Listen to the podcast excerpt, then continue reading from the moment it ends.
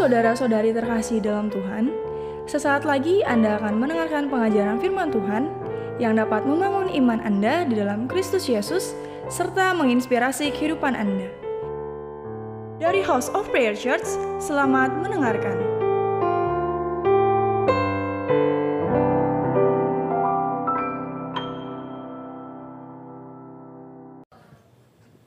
Kita patut bersyukur kepada Tuhan walaupun tadi pagi hujannya kayaknya abis-abisan gitu.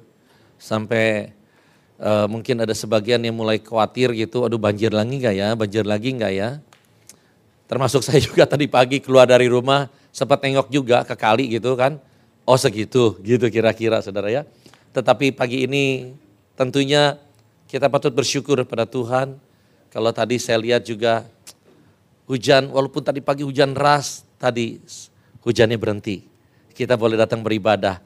Tapi sebetulnya saudara, saya yakin dan percaya, sekalipun ujian juga saudara pasti akan datang beribadah. Karena saudara sudah waterproof. Ya kan, sudah sudah waterproof, jadi nggak takut hujan lagi. Temanya pada bulan ini adalah berbicara mengenai relationship. Tetapi ini di judulnya ditulis relation six. Ini plesetan dari relationship. Jadi artinya sendiri relationship ini sebetulnya ya ya karena plesetan jadi agak sedikit dipaksakan adalah berbicara hubungan yang sakit gitu saudara ya. Ya jadi karena plesetan jadi maksa-maksa lah Inggrisnya kayak gitu ya. Jadi hubungan yang sakit. Nah saudara saya mau ajak kita melihat firman Tuhan di dalam Pengkhotbah 4 ayat 9 sampai yang ke-10 Bapak Ibu ya. Pengkhotbah 4 ayat 9 sampai yang ke-10 firman Tuhan di dalam terjemahan bahasa Indonesia sehari-hari dikatakan demikian. Berdua lebih menguntungkan daripada seorang diri. Kalau mereka bekerja, hasilnya akan lebih baik. Kalau yang seorang jatuh, yang lain dapat menolongnya. Tetapi kalau seorang jatuh padahal ia sendirian, celakalah dia karena tidak ada yang dapat menolongnya. Amin. Saudara, Firman Tuhan ini berbicara bahwa ketika seseorang memiliki hubungan yang baik dengan orang-orang di sekitarnya, ketika seseorang memiliki hubungan yang sehat dengan orang-orang di sekitarnya, maka dikatakan keuntunganlah yang akan datang dalam kehidupan mereka. Betul ya saudara? Diuntungkan. Tetapi ketika seseorang tidak memiliki hubungan yang baik, hubungannya dengan orang-orang di sekitarnya itu sakit, tidak sehat, maka yang terjadi adalah firman Tuhan katakan, celakalah yang akan datang di dalam kehidupan orang itu. Nah, seperti apa sih Pak gambarannya? Saudara, mungkin saudara ingat di dalam firman Tuhan, di dalam Yohanes pasal yang kelima, diceritakan pada saat waktu itu ada seorang yang sakit lumpuh sudah 38 tahun ada di pinggir kolam Bethesda. Nah, pada saat waktu itu Tuhan Yesus datang ke kolam, ke kolam Bethesda, lalu Tuhan Yesus ber, e, berbicara sama dia. Nah, ketika Tuhan Yesus berbicara kepada dia, maukah engkau sembuh? Lalu perkataan orang itu dikatakan demikian. Di dalam Yohanes pasal 5 ayat yang ke-7, dikatakan begini. Jawab orang sakit itu kepadanya, Tuhan tidak ada orang yang menurunkan aku ke dalam kolam itu apabila airnya mulai goncang. Dan sementara aku menuju kolam itu, orang lain sudah turun mendahului aku. Saudara, itu yang maksudnya celaka. Saudara, tidak ada orang yang menolong dia. Tentunya dalam kehidupan kita. Masalah bisa saja datang silih berganti bukan? Tetapi ada saat-saatnya di mana kita butuh orang lain untuk bisa membantu kita. Memang kita harus membutuhkan Tuhan nomor satu. Tetapi bukankah Tuhan juga terkadang suka pakai orang lain dalam kehidupan kita untuk membantu kita? Tapi saudara, apa yang diceritakan dalam Yohanes pasal 5 ini, celaka orang itu 38 tahun sakit nggak sembuh, gara-gara dibilang apa? Tidak ada orang yang mau bantu dia. Tidak ada orang yang mau tolong dia. Sehingga saudara, mungkin pada saat waktu itu dia sudah putus asa dalam kehidupannya. Nah, saudara beda banget sebetulnya dengan apa yang terjadi di dalam Yohanes pasal yang kelima. Eh, sorry, di dalam Lukas pasal yang kelima. Saudara, itu diceritakan di dalam kitab Lukas pasal yang kelima, bahwa Tuhan Yesus ada di dalam sebuah rumah, lalu dikerumunin orang begitu banyak, sehingga rumah itu menjadi begitu padat. Lalu diceritakan bahwa ada seorang yang lumpuh datang kepada Tuhan Yesus. Tapi tentunya kita tahu orang lumpuh kan nggak bisa jalan sendiri. Nah orang lumpuh itu datang kepada Tuhan Yesus karena ada empat orang sahabatnya yang bopong dia, yang tanduk dia, dan bawa kepada Tuhan Yesus. Bahkan sampai pada saat pintu masuknya sudah penuh, keempat sahabat itu bahwa orang lumpuh itu naik ke atas atap, lalu turunkan orang itu yang sang lumpuh ini ke depan Tuhan Yesus. Dan firman Tuhan Lukas pasal 5 menceritakan bahwa lalu orang itu disembuhkan oleh Tuhan Yesus. Tentunya saudara itu jugalah yang dimaksudkan dengan diuntungkan oleh pengkhotbah pasal yang keempat. Nah, saudara yang dikasih oleh Tuhan Yesus, memang kalau mengenai hal ini kita sudah tahu, sering kali saya sudah mengutip ayat firman Tuhan di dalam Mazmur 133. Saya yakin Bapak Ibu pasti nggak asing dengan hal ini. Yaitu kita tahu bahwa ketika seseorang punya hubungan yang sehat dengan orang lain, hubungannya rukun, hubungannya baik dengan orang lain, Firman Tuhan berkata di dalam ayat yang ketiga, maka Tuhan akan perintahkan berkat dan kehidupan atas orang itu. Saudara, ini yang saya sebut dengan berkat yang kejar orang, bukan orang kejar berkat. Sebab firman Tuhan berkata bahwa Tuhan akan perintahkan berkat dan kehidupan turun atas orang itu. Jadi kalau Tuhan yang perintahkan saudara, berkat dan kehidupan pasti turun, betul ya? Nah kalau Tuhan perintahkan atas orang itu berarti orang itu ke kiri berkatakan ke kiri.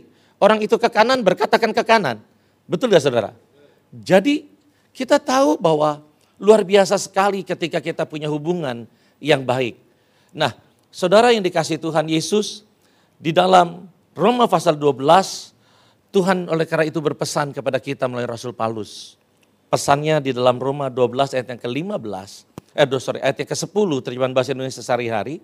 Firman Tuhan berkata begini, hendaklah saudara-saudara saling mengasihi satu sama lain dengan mesra seperti orang-orang yang bersaudara dalam satu keluarga. Dan hendaknya kalian saling mendahului memberi hormat. Saudara ayat ini berbicara begini, hendaklah kita membangun hubungan yang sehat. Hubungan yang sehat itu apa? Hubungan yang saling mengasihi dan hubungan yang saling menghormati, saling menghargai. Jadi pesan Tuhan hari ini adalah bagi setiap saudara dan saya, mari kita sama-sama di mana pun kita berada, di rumah, di kantor, di gereja, di mana pun kita berada. Mari kita belajar untuk membangun hubungan yang sehat di dalam kehidupan kita. Dengan orang-orang sekitar kita. Dengan suami, dengan istri, dengan anak, dengan sahabat, dengan siapa pun. Yang setuju mengerti dan mau katakan amin. Saudara, tetapi hal ini tentunya nggak semua orang yang yang melakukannya, saudara. Terkadang kita temukan ada cukup banyak orang juga yang tidak berusaha untuk sungguh-sungguh. Untuk menjaga hubungan yang mereka miliki, untuk membangunnya, bahkan untuk memperjuangkan hubungan yang mereka miliki, saudara. Karena mereka tidak menghargai hubungan tersebut.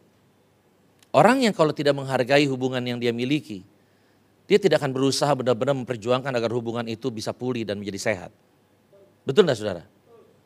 Suami yang tidak menghargai hubungan dengan istrinya, dia tidak akan sungguh-sungguh berusaha memperjuangkan agar hubungannya dengan istrinya itu pulih. Tetapi malah yang terkadang terjadi ketika terjadi konflik, dia tinggalkan istrinya. Dia pergi cari wanita yang lain. Kok bisa kayak gitu?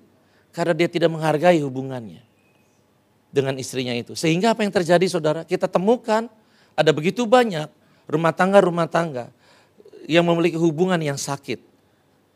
Relationship. Atau zaman sekarang ada juga istilah yang namanya toxic relationship. Jadi hubungan yang beracun. Saudara, tentunya saya yakin pada dasarnya kita nggak mau mengalami hal yang seperti itu, bukan? Ya apa ya? Ya Pak ya? Puji Tuhan saudara, terima kasih banyak buat jawabannya. Saudara, di dalam kesempatan saat ini, saya mau ajak, kita sudah ngerti ini, hubungan yang sehat itu penting. Hubungan yang sakit itu celaka lah. Tapi saya, saya mau ajak yuk, untuk kita merenungkan sebuah pertanyaan. Pertanyaannya adalah ini, apakah hubungan yang saya miliki dengan istri saya, dengan suami saya? Apakah hubungan yang saya miliki dengan anak saya? Apakah hubungan yang saya miliki dengan sahabat saya? Hubungannya sehat atau sakit?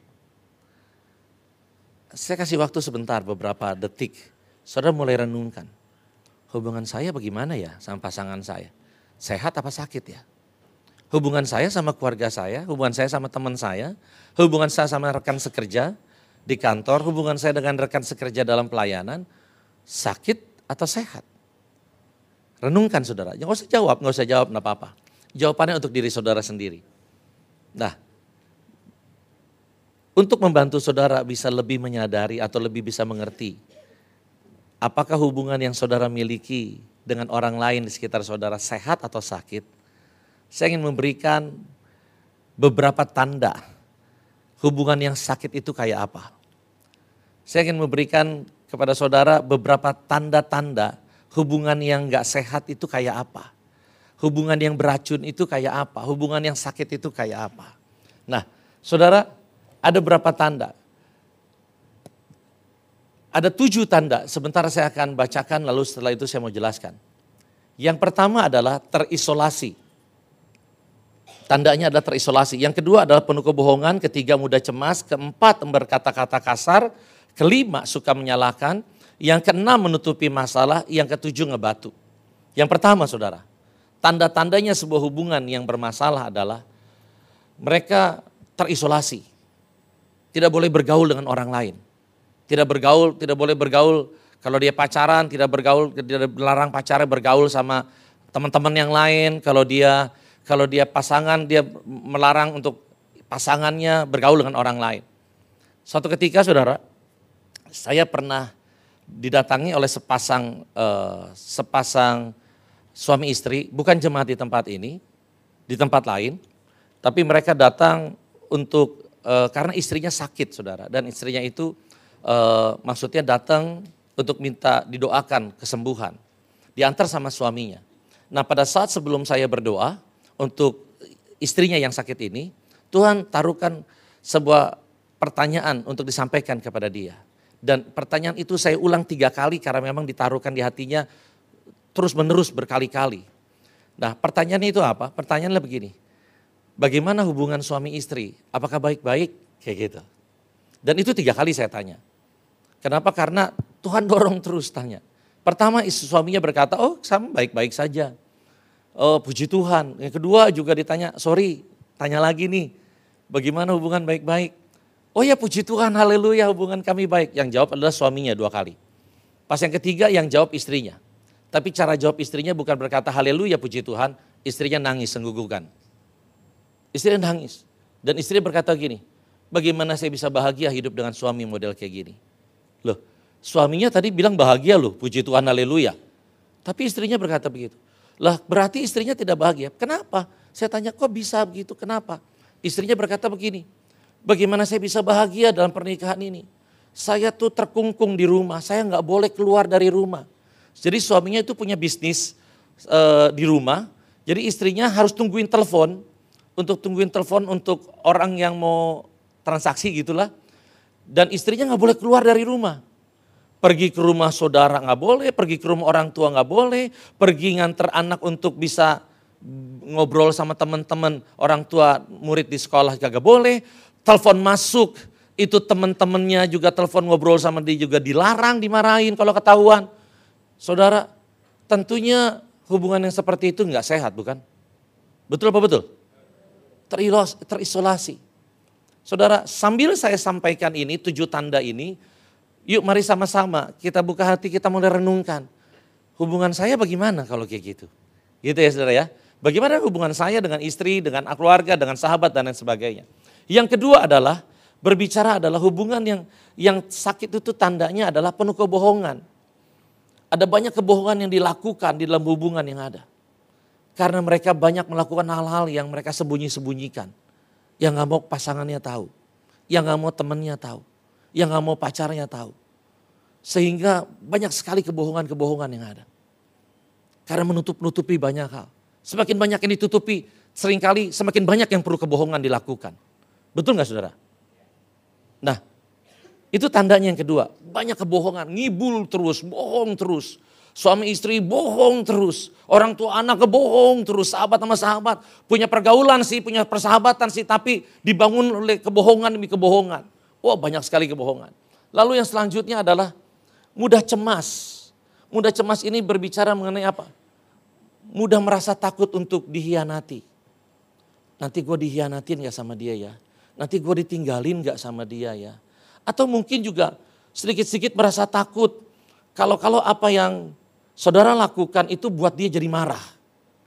Nanti kalau dia marah, dia ngancem akhiri hubungan. Udah deh, putus saja pacarannya. Udah deh, cerai aja deh. Aduh ngeri loh. Jadi saudara, di dalam hubungan itu, hubungan suami istri sih. Hubungan sahabat sih. Tetapi banyak ketakutan di sini. Ngeri banget gitu. Nanti kalau gue lakukan kayak gini, bagaimana ya? Gue bikin dia kecewa gak ya? Gue bikin dia marah gak ya? Nanti kalau dia marah gawat lu. Kalau dia marah habis dah. Hubungan ini bisa putus nih. Bisa berakhir nih. Gitu. Nanti dia ngancem-ngancem lagi. Nanti udah ada dia mau tinggalin gue lagi. Aduh ngeri deh. Saudara, nah itu tanda-tanda hubungan yang gak sehat saudara. Gak sehat. Jadi saudara tidak bisa menjadi apa adanya dalam pengertian adalah saudara tidak bisa berani terbuka apa adanya. Saudara harus memaksakan diri pokoknya apa ya, mempleasant orang hanya untuk mempleasant menyenangkan hati orang. Jadi orang yang yes man. Jadi saudara nggak bisa kreatif, tidak terjadi sinergi dalam hubungan. Karena saudara takut. Kalau yang si A bilang sudah, iya, ya udahlah, ya, ya udahlah. Daripada ntar dia marah, daripada dia kecewa, ya udahlah. Saudara itu tandanya hubungan nggak sehat. Dan hubungan yang tidak sehat, bahayanya adalah tidak terjadi sinergi di dalam di dalam hubungan yang ada. Yang keempat saudara, yaitu apa? Gak kelihatan di sana. Berkata-kata kasar. Di dalam hubungan ini banyak kata-kata yang kasar, kata-kata makian, kata-kata cacian, kata-kata merendahkan, kata-kata ngebully. Bego lu, gak punya otak lu, dongo lu, waduh. Gak enak saudara. Saudara, terkadang ketika lagi konseling di dalam uh, apa ya namanya konseling pranikah saudara. Hal ini sering kali saya sorotin. Saya suka tanya, bagaimana dengan uh, perkataan? Ada kata-kata yang saling melukai. Kadang-kadang saudara mereka berkata gini, ah cuman bercanda kok pak. Cuman bercanda. Kadang-kadang bercanda gitu. Ah pikiran lu di mana? Oon lu. Otak lu ada di dengkul lu. Kayak gitu. Saya bilang kayak gini. Kalau saudara membiasakan diri seperti itu merendahkan. Mungkin nanti ketika emosi, ketika saudara lagi sedang emosi sama pasangan saudara, maka dorongan untuk melukai itu semakin besar. Betul enggak saudara? Maka saudara akan lebih lagi cenderung untuk bersikap menyakiti pasangan saudara atau teman saudara dengan kata-kata yang semakin jahat. Kalau saudara udah terbiasa ngomong begini, ah bodoh lu, bego lu. Dan itu menurut saudara, saya ngomong seperti itu, dia nggak terluka nih. Dia nggak sakit hati nih, nggak berasa dia. Kalau gue lukain pakai cara ngomong gitu. Maka karena saudara sedang emosi, saudara berniat untuk melukai dia, saudara pilih kata-kata yang belum pernah saudara pakai yang lebih menyakitkan. Kata-kata yang lebih kejam, kata-kata yang lebih jahat. Dan kalau kata-kata sudah tidak lagi bisa melukai orang itu, maka saudara akan lukai orang itu dengan kekerasan. Bahaya saudara. Dalam sebuah hubungan, kalau ada kata-kata kasar, Mungkin ada orang-orang, udah biasa pak, saya dari keluarga orang tua saya juga begitu. Saudara-saudara juga saya begitu. Kami mah kayaknya udah biasa. Mungkin ada orang-orang dari daerah tertentu bahkan mungkin berkata, ah itu mah udah biasa. Daerah kami mah udah biasa yang kayak gitu. Persoalannya adalah kita tidak mau membangun keluarga kita di atas kebiasaan yang buruk dari orang lain bukan? Kita mau hubungan keluarga dalam kehidupan kita, hubungan persahabatan kita menjadi hubungan yang baik. Yang setuju mengerti katakan amin. Itu tanda-tandanya. Yang lain apa sih? Yang lain suka menyalahkan saudara. Suka menyalahkan. Jadi contohnya begini. Ada orang-orang yang suka berkata begini. Ada terjadi apa masalah langsung berkata begini. Ini semua gara-gara kamu yang salah. Masalah ini terjadi gara-gara kamu. Dan juga kalau seandainya nih dia yang tahu dia yang salah nih. Dia yang salah bukan orang itu yang salah. Dia tetap akan menyalahkan juga. Dia akan berkata gini, saya lakukan itu semua juga gara-gara kamu. Jadi orang lain salah, dia salahkan orang lain, dia benar, eh, dia yang salah, dia juga tetap salahkan orang lain. Saudara, kadang-kadang itu yang terjadi dalam hubungan. Hubungan pernikahan, hubungan di dalam keluarga, hubungan persahabatan, juga kadang-kadang seperti itu. Ada orang yang galak duluan, kalau kira-kira begitu deh. Ada orang yang galak duluan. Ada masalah datang, ada konflik terjadi, dia galak duluan. Dia langsung salahin orang lain dulu nggak peduli cari tahu siapa yang salah. Yang penting salahin dulu. Yang penting bukan gue yang salah. Jadi kalau seandainya pun pada saat nanti akhirnya ketahuan bahwa dia yang salah, dia akan tetap salahin orang itu. Dia akan berkata, iya gue lakukan itu tuh terpaksa tau nggak? Kalau lu nggak kayak gitu, gue nggak akan lakukan kayak gitu. Jadi semua sumbernya lu yang salah. Gitu saudara. Konyol kan kalau kayak gitu hubungan. Itu namanya hubungan yang gak sehat saudara. Renungkan setiap poin demi poin untuk saudara bisa bisa melihat memberikan pengertian, ah, seperti apa sih hubungan yang saya miliki dengan orang-orang di sekitar saya yang di dekat saya. Saudara, yang lain adalah menutupi masalah, saudara. Ini berbicara mengenai, iya, menutupi masalah. Nah, saudara, sering kali yang terjadi adalah ada orang-orang yang ketika terjadi konflik, terjadi konflik dengan pasangannya, entah itu pacarnya, entah itu dengan suaminya, konflik pokoknya dengan orang-orang di dekatnya. Setiap kali terjadi konflik, langsung yang dilakukan adalah minta maaf. Sorry ya, sorry ya, sorry ya. Atau langsung begini, ketika setiap kali terjadi konflik, langsung ngebebein aduh udah deh, ayo dong, udah deh jangan begitu dong, jangan marah dong, kayak gitu. Atau kalau dia kaya gitu kan, langsung keluarin berlian, waduh ini buat kamu nih hadiah, atau kita jalan-jalan ke luar negeri, wah kalau dia kaya kayak gitu kan. Kalau dia nggak kaya ngebebein aja lah kayak gitu. Is oke, okay, nggak ada yang salah tentang itunya sih. Ya untuk minta maaf nggak ada yang salah. Ngebebein juga nggak ada yang salah kok dengan hal itu. Tetapi jangan berhenti sampai di situ tanpa membereskan masalah yang ada. Tanpa membereskan akar masalahnya. Sebab kalau seandainya cuman cuman seperti itu saudara-saudara sedang menutupi masalah. Itu sama aja seperti taruh sampah di bawah karpet. Karpetnya sih bagus. Tapi kalau terus setiap kali konflik, nutupin masalah, terus masukin sampah di bawah karpet, lama-lama karpet itu juga jadi bau. Betul gak sih saudara? Baunya juga akan keluar. Lama-lama juga akan sampah itu jadi numpuk di situ. Saudara, itu yang sering kali terkadang terjadi di mana hubungan itu hancur berantakan. Pernah dengar istilah begini kan? Ini istilah nih, ini kalau sorry yang belum nikah. Ada istilah begini, gara-gara odol rumah tangga jadi bercerai. Pernah istilah dengar kayak gitu kan? Orang kadang-kadang ketawa, kenapa sih cuma masalah odol, yang satu ngelipetnya rapi, yang satu asal pencet aja, kok bisa sih gara-gara itu sampai cerai nggak masuk di akal. Masalahnya bukan di odolnya, masalahnya adalah sering kali menutupi masalah tanpa menyelesaikan masalahnya. Suami nanya, ini di sini sih nggak ada di sini kecuali sih. Suami nggak ada lah, nggak ada lah. Sudah bertobat barusan, iya kan? Suami nanya, mah bagaimana? Kok diem ada masalah? Ngomong dong. Talk to my hand gitu kan. Saudara, kadang-kadang kayak gitu. Ngejutek. Saudara, apalagi kalau yang sahabat, persahabatan juga bisa kayak gitu kan. Stonewallingnya pakai cara apa? Nggak ngejawab WA, nggak ngejawab chat, bodo amat. Dikit-dikit langsung ngeblokir, langsung diblokir. Atau keluar dari grup, wih, keluar dari grup langsung, wih, gawat di orang, kita salah apa ya? Kok orang keluar dari grup? Kadang-kadang kan bisa terjadi kayak gitu kan ya. Di dalam sebuah grup tiba-tiba dia, cut, dia left. Semua yang lain di dalam grup gini, Kenapa ya dia ya? Kok dia tiba-tiba keluar?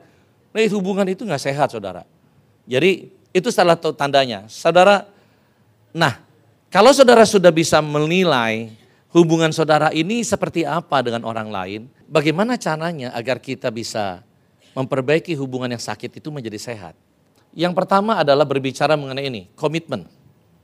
Komitmen. Saudara, ketika sebuah hubungan didasari oleh komitmen, maka hubungan itu akan menjadi hubungan yang kuat. Tetapi kalau hubungan itu dibangun di atas dasar perasaan, maka hubungan itu juga akan mudah goyah, mudah rusak. Sebab perasaan itu gampang berubah-berubah. Entar sebentar marah, entar sebentar senang, entar sebentar jengkel, entar sebentar juga dia ketawa-ketawa dan lain sebagainya. Nah, saudara, jadi hal yang perlu kita kita kita waspadai begini. sebuah hubungan menjadi perlahan-lahan menjadi hubungan yang sakit ketika orang-orang di dalam hubungan tersebut mereka mulai melepaskan komitmen dalam kehidupan mereka. Mereka mulai gantikan dengan perasaan. Pak, apa sih komitmen itu? Di depan sudah ada, saudara ya.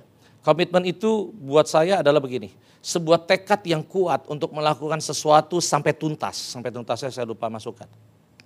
Sebuah tekad yang kuat untuk melakukan sesuatu sampai tuntas sekalipun dibutuhkan pengorbanan dan perjuangan. Itu artinya komitmen. Jadi kalau dikatakan seorang itu punya komitmen artinya dia punya tekad yang kuat untuk melakukan sesuatu sampai tuntas sekalipun harus ada harga yang mahal untuk uh, dikorbankan, harus ada perjuangan yang besar untuk di, di, untuk mencapai hal itu. Nah, di dalam Kolose 1 ayat 29 berkata begini, gambaran mengenai mengenai komitmen. Itu adalah begini, itulah yang kuusahakan dan kupergumulkan dengan segala tenaga sesuai dengan kuasanya yang bekerja dengan kuat di dalam aku. Jadi, saudara, itulah komitmen, saudara. Nah, saya yakin begini, seseorang yang punya komitmen di dalam uh, hubungan yang ada, maka orang itu akan berkata begini, apa pun yang terjadi di pernikahan saya, apa pun yang terjadi di dalam persahabatan saya, saya akan terus berjuang untuk memperbaikinya, sehingga hubungan yang ada itu tidak lagi sakit, tetapi menjadi pulih dan sehat. Dia akan lakukan itu. Pertanyaannya adalah begini saudara, kenapa komitmen secara logisnya kok bisa komitmen itu bisa membuat hubungan itu menjadi sehat. Saudara, saya temukan begini, komitmen sangat penting dalam sebuah hubungan agar hubungan itu bisa jadi sehat. Karena begini, karena komitmen yang dimiliki dalam sebuah hubungan akan memberikan rasa aman akan memberikan rasa tenang di dalam hubungan yang ada. Saya kasih contoh begini.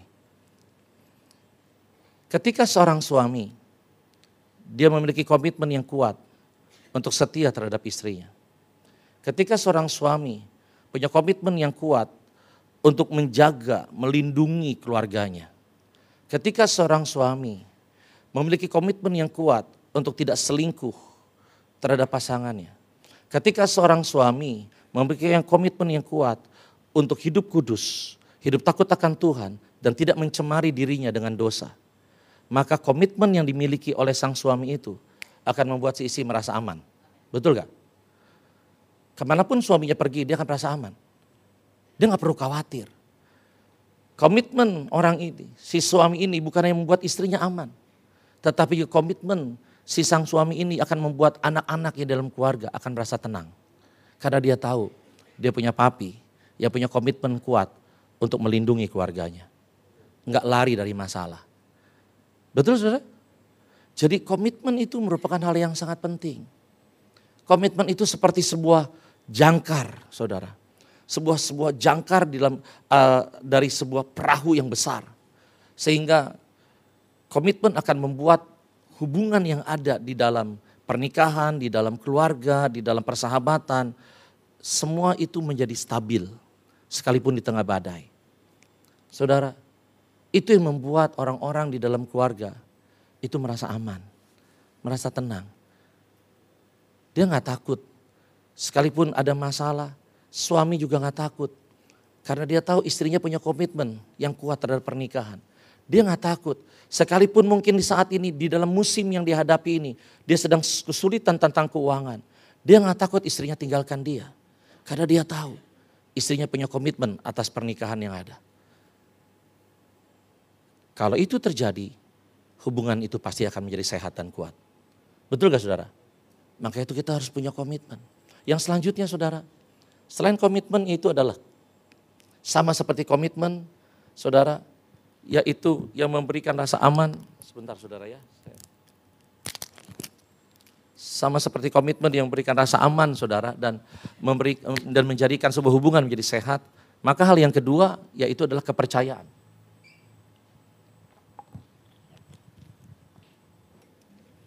Maka yang kedua adalah kepercayaan saudara. Kepercayaan. Nah, saudara, Tim, uh, Paulus pernah berpesan kepada Timotius. Dan pesan kepada Paulus kepada Timotius adalah begini. Timotius, kamu harus belajar untuk menjaga kepercayaan yang kamu miliki, yang kamu terima dari orang lain. Di dalam, sorry, kok nggak ada ya ayatnya ya?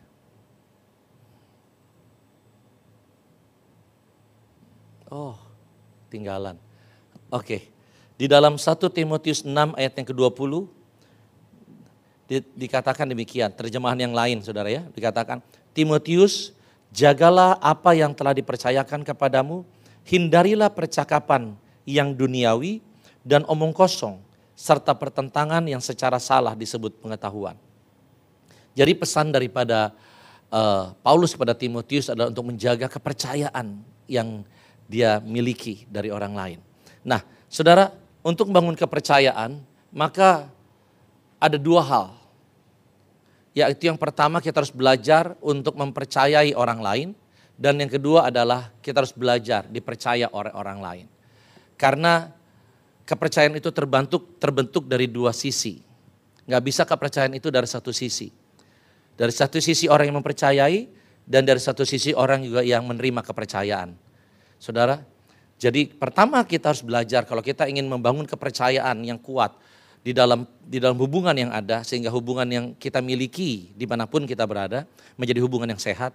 Maka yang pertama kita harus belajar untuk mempercayai orang lain. Saudara, bagaimana sih caranya kita belajar mempercayai orang lain? Ada tiga hal. Saudara, yang pertama dikatakan adalah begini. Mulai dari hal-hal yang kecil. Nah, seperti apa sih pengertiannya? Begini saudara, untuk kita percaya orang lain, kita bisa belajar untuk cerita mengenai pengalaman pribadinya kita. Yang simple-simple, atau mungkin kita bisa juga menceritakan masalah-masalah kita yang kecil kepada orang lain. Mulai kita memberikan kepercayaan, belajar untuk mulai mempercayai orang lain. Kalau dia bisa dipercaya, kita bisa cerita lebih dalam sama orang itu. Kita bisa lebih cerita lebih banyak hal kepada orang itu. Atau juga hal-hal yang kecil dalam berbicara adalah kita memberikan kepada orang itu uh, kesempatan saudara. Uh, misalnya contoh begini. Tidak selalu untuk terus melarang anak untuk pergi uh, sama teman-temannya. Atau tidak terus menerus melarang pacar untuk pergi sama teman-temannya. Lu gak boleh pergi. Gue mau pergi sama teman gue, lu gak boleh. Gak boleh, gak boleh. Ada orang tua juga begitu kan. Anak mau pergi, Enggak boleh, enggak boleh. Terkadang saudara, kita perlu belajar untuk memberikan kepercayaan. Saya masih ingat waktu dulu papi saya. Dia belajar untuk memberikan kepercayaan kepada saya. Dia belajar memberikan kepercayaan yang kecil. Pada saat waktu saya ingat, satu ketika saya diberikan kepercayaan untuk pakai mobil saudara. Dari yang tadinya nggak boleh terus, nggak boleh terus, nggak boleh terus, nggak boleh terus sampai satu ketika dia, saya masih ingat waktu itu, dia tawarin saya begini. Malam minggu saudara, masih sore di rumah. Papi saya tiba-tiba datengin saya bilang gini, Fit, ntar pergi. Iya Pi, mau pakai mobil gak? Tuh kayak saya kayak ada sambal geledek saudara. Buset, mau dikasih mau, mau dikasih pinjam mobil. Saudara, itu saya masih ingat saudara. Dan saya belajar untuk menghargai kepercayaan itu.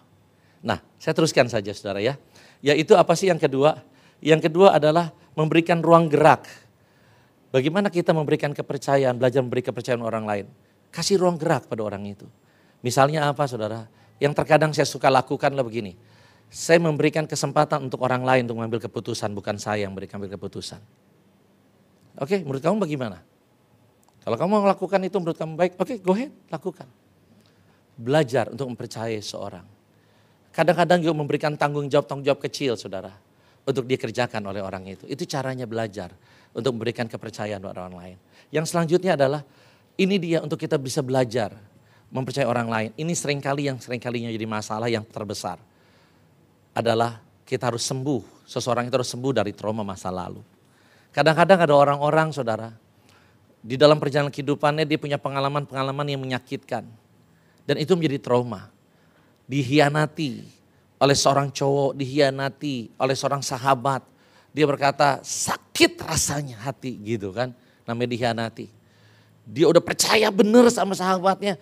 Lalu sahabat itu mengkhianati dia.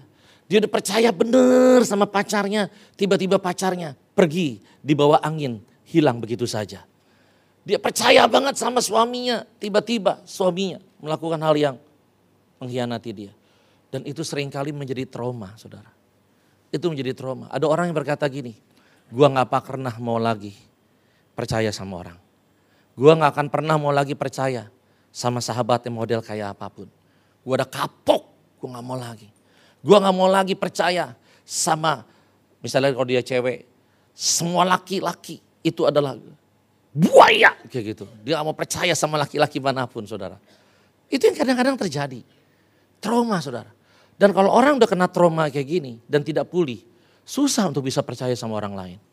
Dan kalau dia tidak bisa mempercayai orang lain, yang terjadi apa? Jadi gampang curiga, gampang khawatir. Punya teman curiga sama teman. Orang dicurigain terus mana bisa hubungan bisa bisa close, dicurigain terus. Mulai pacaran, curiga terus. Kalau orang bilang mah zaman sekarang bilang gini, cemburuan banget. Saudara, cemburuan terus sudah dihampiri saya. Oke. Okay. Oke.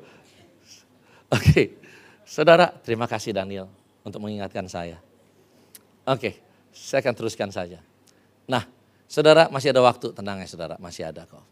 Itu tandanya masih ada 20 menit kalau dia maju. Itu buatan saya sendiri. Enggak saudara ya. Tapi gini saudara, intinya gini, bagaimana sih caranya kita uh, sembuh dari trauma? Cara sembuh dari trauma adalah begini saudara yaitu adalah lepaskan pengampunan.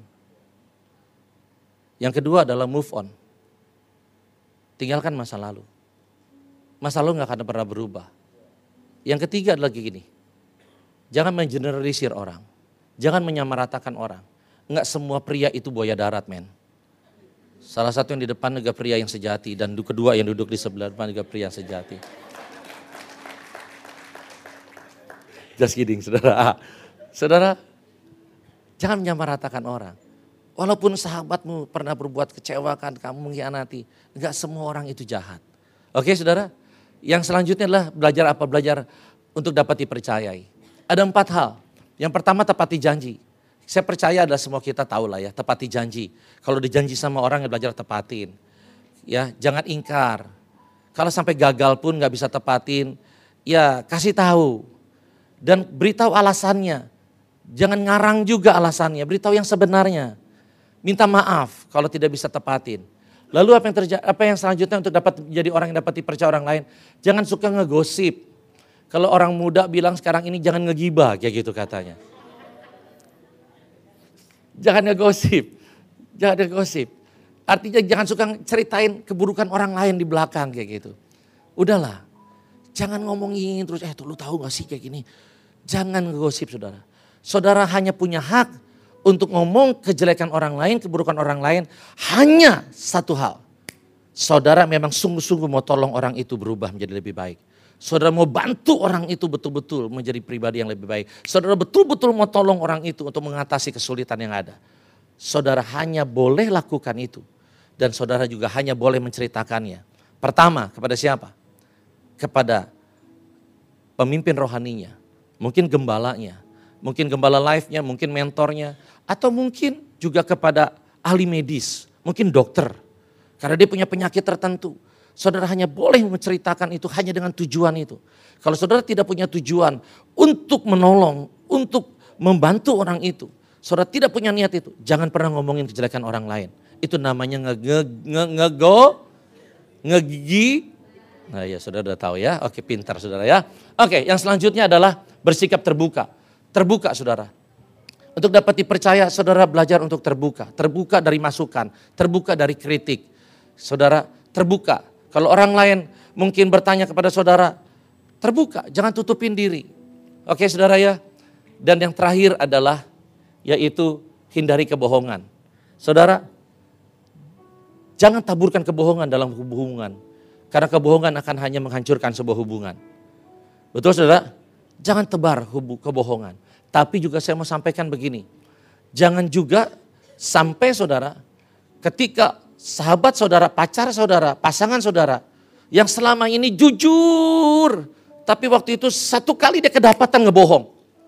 Jangan juga lalu saudara langsung stempel dia, cap dia, dasar dia itu penipu, tukang bohong, jahat. Ya jangan juga saudara. Iya toh? Tetapi mulai coba tanya, kenapa kamu begitu? Saudara, cari tahu alasannya kenapa. Dan sampaikan pada dia bahwa kejujuran itu sangat berharga dalam sebuah hubungan. Dan lain kali jangan takut untuk ngobrol, jangan takut untuk ngomong apa adanya. Ngomong keterbukaan itu awal daripada pemulihan. Saudara, saya belajar untuk terbuka, saya belajar untuk jujur. Saudara, nantilah ya ibadah kedua, pada waktunya saya sudah diparanin semua, udah lengkap ya.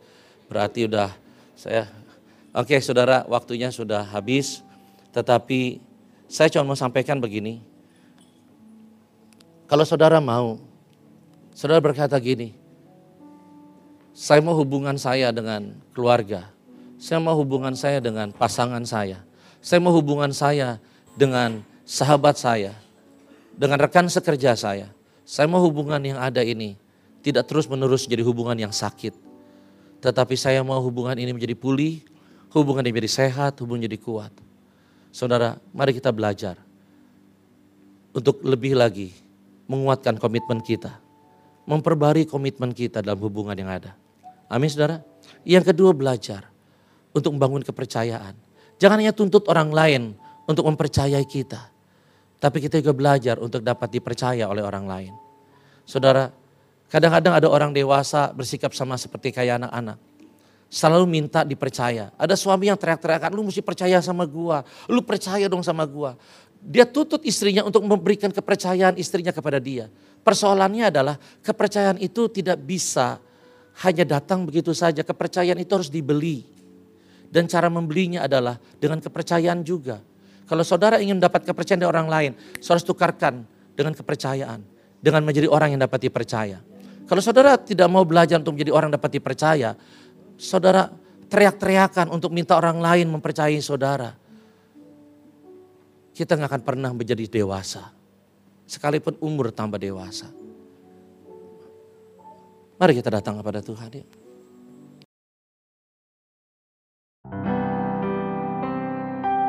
Anda telah mendengarkan sharing firman Tuhan yang disampaikan oleh hambanya. Untuk mendengarkan rekaman khotbah lainnya, Anda dapat mengunjungi website hope.church sermon atau streaming melalui handphone Anda Hope Church Podcast di Spotify dan Apple Podcast. Tuhan Yesus memberkati. Strong families, strong generation.